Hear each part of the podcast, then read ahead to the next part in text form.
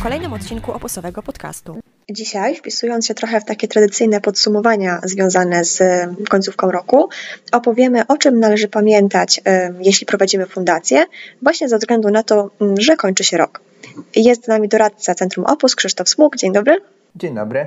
Dzisiaj przedstawię Państwu coś, co jest bardzo pilne w końcówce roku kalendarzowego, jeśli ktoś jeszcze w ramach działania fundacji tego nie wykonał. To znaczy opowiemy o sprawozdaniu z działalności fundacji, e, które fundacje powinny składać do końca roku kalendarzowego do właściwego ministra. E, I to przygotowanie i przesłanie do tego swojego ministra sprawozdania z działalności fundacji jest to obowiązek określony w ustawie o fundacji, dokładnie w artykule 12 ustęp 2 który mówi, że fundacja składa corocznie właściwemu ministrowi sprawozdanie ze swojej działalności. Oznacza to ni mniej, ni więcej, tylko że do końca 2021 roku każda z fundacji powinna złożyć sprawozdanie za rok 2020 do ministra, który jest wskazany w zapisach statutowych jako właściwy do nadzoru nad jej działaniami. Po co takie sprawozdanie? Sprawozdanie to ma na celu pokazać, jakie działania fundacja podjęła w określonym czasie e, i e, ma na celu weryfikację, czy podjęte działania są zgodne z celami statutowymi organizacji i czy mieszczą się w sposobach realizacji tych celów, które są wymienione w statucie. I coroczny obowiązek sprawozdawczy e, dotyczy wszystkich fundacji, z tym, że jeśli fundacja posiada równocześnie status organizacji pożytku publicznego, to ona już to sprawozdanie powinna złożyć wcześniej, e, to znaczy do 15 lipca, e, kiedy to wszystkie e, organizacje pożytku publicznego mają obowiązek przedstawiania takich swoich sprawozdań. Wtedy fundacja ta nie musi składać dodatkowo sprawozdania do właściwego ministra. Fundacje muszą to sprawozdanie złożyć. Tutaj nie ma, e, nie ma od tego odstępu. E, jeśli takiego sprawozdania fundacja nie złoży w terminie, to może zostać wezwana do natychmiastowego uzupełnienia. Jeśli nie zostanie uzupełniona, to nawet może być nałożona na nią kara urzędowa. Jakie informacje należy wskazać w tym sprawozdaniu? Jest to określone w rozporządzeniu Ministra Sprawiedliwości w sprawie ramowego zakresu sprawozdania z działalności fundacji.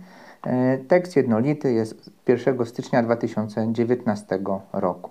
I tam znajdziemy szczegółowe informacje, co w sprawozdaniu z działalności fundacji musi się znaleźć.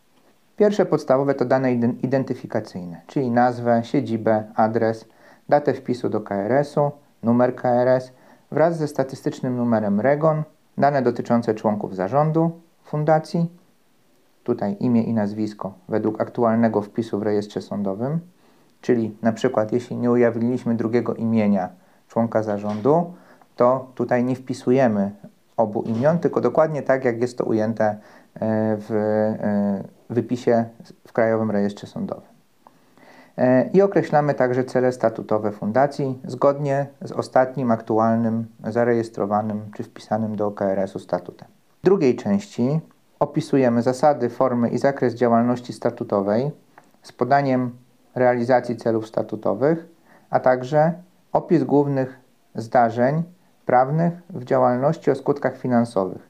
W praktyce to jest to e, taki trochę opis, jakie działania były prowadzone w poprzednim roku, jakie projekty były realizowane, jakie źródła finansowania i w jakich kwotach. W części trzeciej, jeśli organizacja prowadzi działalność gospodarczą, to wpisujemy też informacje o prowadzonej działalności zgodnie z wpisem do rejestru przedsiębiorców.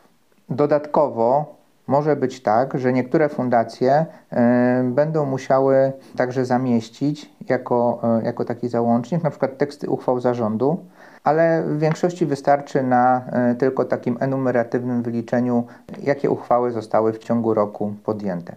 Tutaj jest tak, że wszystko zależy od praktyki ministerstwa, które sprawuje nadzór nad naszą fundacją. To też jakby jest kwestia dopytania się albo doczytania na stronie internetowej właściwego ministra, jakie dokumenty, jakie załączniki, jakie informacje dodatkowe dane ministerstwo sobie życzy.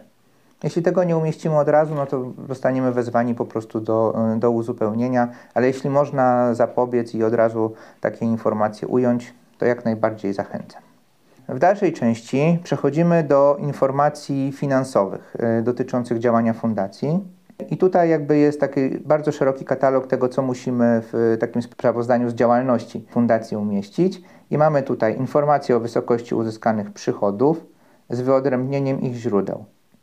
Czyli na przykład, jeśli otrzymaliśmy y, jakiś przychód ze spadku albo z darowizny, albo ze źródeł publicznych, na przykład dotacji, musimy ująć e, jakby szczegółowo informacje w podziale właśnie na te, na te kategorie oraz musimy e, jakby także wykazać, jaka była forma płatności. Czy był to przelew, czy była to gotówka.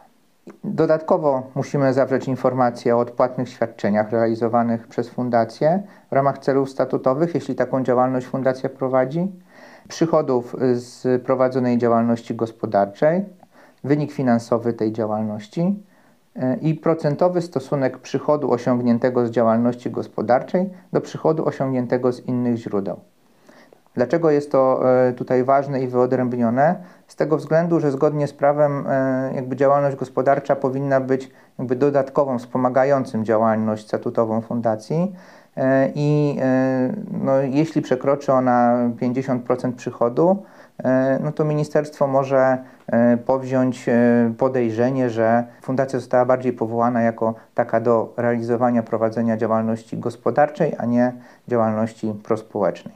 Docelowo rzadko zdarzają się jednak takie, takie kontrole czy uwagi, ale jakby mając zdecydowaną przewagę tutaj w przychodzie z działalności gospodarczej, możemy jakby spodziewać się jakiejś kontroli, zapytania, dlaczego tak się wydarzyło.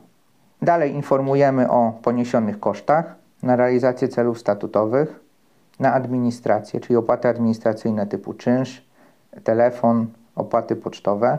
Informujemy o kosztach poniesionych na prowadzenie działalności gospodarczej, jeśli takową prowadzimy, i pozostałe koszty, również z wyodrębnieniem formy płatności, czyli które koszty były realizowane w formie gotówkowej, a które były w formie przelewów. I to e, te wszystkie informacje e, z tych dwóch e, punktów odnośnie przychodów i kosztów, jakby one wynikają wprost ze sprawozdania finansowego, więc albo można je wyczytać ze sprawozdania finansowego, które mamy, albo dodatkowo dopytać osobę prowadzącą księgowość w organizacji, jak taki punkt rozumieć, jak go wypełnić. I w kolejnej części mamy jeszcze informacje o, o liczbie osób, które były zatrudnione w fundacji podziałem według zajmowanych przez nie stanowisk. Z wyodrębnieniem też, które osoby były zatrudnione wyłącznie w prowadzonej działalności gospodarczej, a które były zatrudnione w ramach e, działalności statutowej, na przykład do realizacji projektów. Informujemy także o łącznej kwocie wynagrodzeń wypłaconych przez fundację, podziałem na wynagrodzenia, nagrody, premie i inne świadczenia e, dla osób zatrudnionych, ale też dla członków zarządu.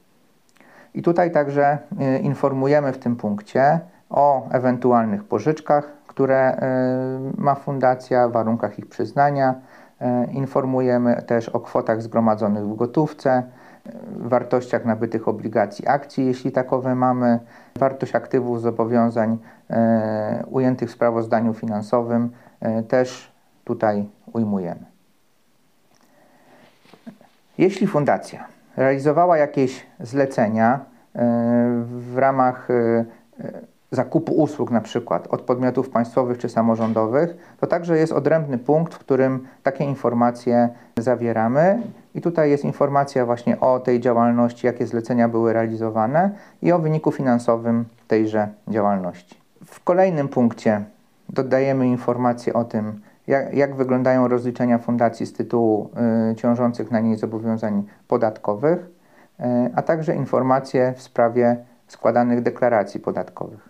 Kolejny punkt to jest informacja, czy fundacja ustanowiona na podstawie ustawy o fundacjach jest, instytucją zobowiązaną w rozumieniu ustawy o przeciwdziałaniu praniu pieniędzy oraz y, o finansowaniu terroryzmu tutaj chodzi o to, czy przyjmowała płatności w gotówce o wartości równej lub przekraczającej równowartość 10 tysięcy euro.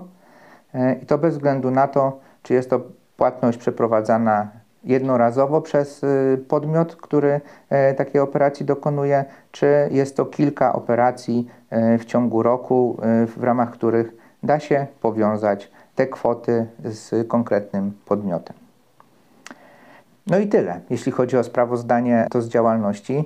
E, na pewno nie jest to rzecz, którą da się zrobić w 5 minut, e, gdzieś tam siedząc na kanapie, bo chociażby te dane dotyczące zatrudnienia, dotyczące przychodów czy kosztów z poszczególnych rodzajów e, działalności organizacji, no to nie da się tego jakby tak od ręki, że tak powiem, wyciągnąć, tak? Więc, więc tutaj na pewno trzeba się do tego przyłożyć, żeby no, po prostu to zobowiązanie jako fundacja dopełnić. Co ważne, takiego obowiązku nie mają stowarzyszenia. One e, jakby mogą sporządzać sprawozdania merytoryczne. E, najczęściej tak to robią, one są później zatwierdzane przez e, walne zgromadzenie w roku następnym po roku, za który to sprawozdanie zostało złożone, ale docelowo nie ma obowiązku takiej publikacji, takiego sprawozdania, jak ma to się w przypadku fundacji. To jeszcze powiedzmy, jak technicznie wygląda złożenie takiego sprawozdania. E, technicznie sprawozdanie składa się na druku, e, który jest dostępny na stronie właściwego ministerstwa. I tutaj e, jest to o tyle ważne, że ogólny wzór, ogólne ramy są w rozporządzeniu ministra sprawiedliwości i ogólny wzór takiego sprawozdania. Ale każde z ministerstw ma możliwość dołożenia jakichś pytań dotyczących ich konkretnego zakresu nadzoru. Więc dlatego ważne jest, aby takie, e, takie sprawozdanie pobrać ze strony właściwego ministerstwa, e, które nadzoruje działalność naszej fundacji. I też w zależności od, e, od ministerstwa, albo jest to dokument składany w formie elektronicznej, albo po prostu jest podana skrzynka pocztowa, na którą należy takie sprawozdanie wysłać, złożyć. Czyli nie ma jednej zasady, tylko za każdym razem musimy sprawdzić i upewnić się, tak? Upewnić niestety, się, niestety tak, że niestety tak jest, że ministerstwa tutaj mają swoją praktykę, e, e, każde, każde troszkę inną, e, więc warto zawsze na stronie ministerstwa najpierw doczytać, w jaki sposób takie sprawozdanie należy złożyć. I przypomnijmy do kiedy? Do końca roku, czyli do 31 grudnia. I tutaj stawiamy kropkę. Dziękuję za rozmowę. Dziękuję. E, ja zachęcam jeszcze do odwiedzenia naszej strony internetowej www.opus.org.pl. Tam znajdziecie informacje o tym, jak się z nami skontaktować i jak skorzystać ze wsparcia doradców Centrum Opus.